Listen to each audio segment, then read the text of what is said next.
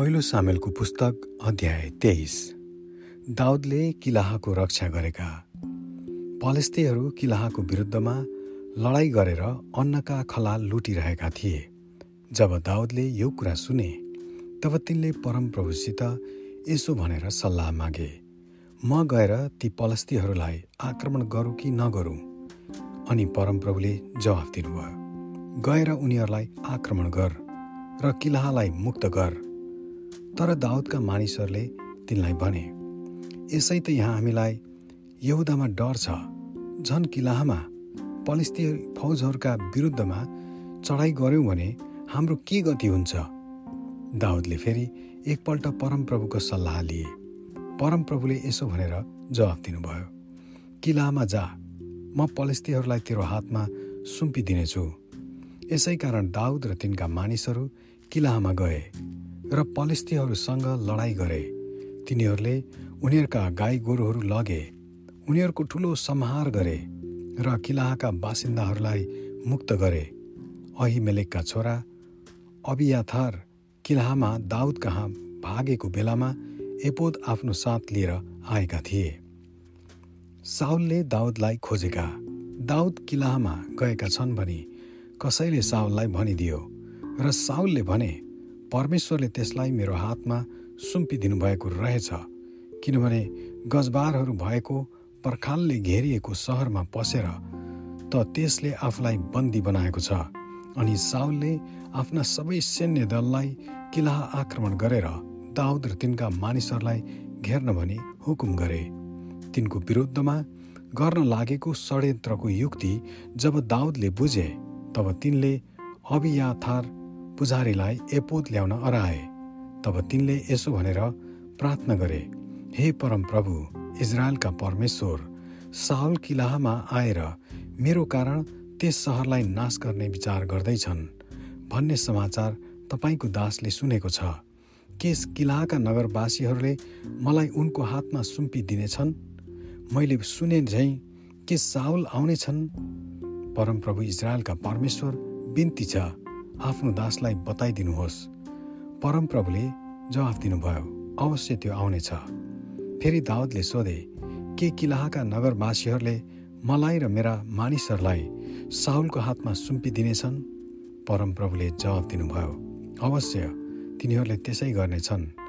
यसकारण दाउदले आफ्ना प्राय छ सयजना मानिसहरूलाई लिएर झट्टै किला छोडे र एक ठाउँदेखि अर्को ठाउँ घुम्न लागे। दाउद किलाबाट भागेको समाचार जब साउल कहाँ पुग्यो तब उनी त्यहाँ अघि बढेनन्। दाउद उजाड स्थानका गढीहरू र जीवको मरुभूमिका पहाडहरूमा बसिरहे र साउलले तिनलाई दिनदिनै खोज्दथे तर परमेश्वरले दाउदलाई उनको हातमा सुम्पिदिनु भएन। जब दाउद जीवको मरुभूमिको होरेसमा थिए साउलले तिनको प्राण लिन निस्केर आएका छन् भनी तिनले थाहा पाए। तब साउलका छोरा जोनाथन त्यहाँ तिनी कहाँ आए र तिनलाई परमेश्वरमा बल पाउन उत्साह दिए। उनले भने न डराउनुहोस् मेरा बुवा साउलको हातले तपाईँलाई छुने छैन।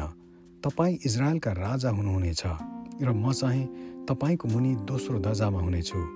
मेरा बुवा साउललाई पनि यो कुरा थाहा छ। ती दुईले परमप्रभुको सामु बाचा बाँधे। त्यसपछि जोनाथन चाहिँ आफ्नो घरमा फर्के। तर दाउद होरेसमा नै बसे। जब साउल गेबामा थिए तब जिपीहरूले यो समाचार उनी कहाँ ल्याए? हामी सुन्दछौँ कि दाउद एसिमोनको दक्षिणतिरका हकिलाको पहाडमा भएको होरेसका गढीहरूमा लुकिरहेका छन्। अब हजुरलाई जहिले इच्छा लाग्छ तहिले तल झर्नुहोस् र तिनलाई तपाईँको हातमा सुम्पिदिने जिम्मा हाम्रो हुनेछ साउलले भने। परमप्रभुले तिमीहरूलाई आशिष देऊन् किनभने तिमीहरूलाई मेरो चासो छ। अब गएर अरू तयारी गर र त्यो कहाँ छ?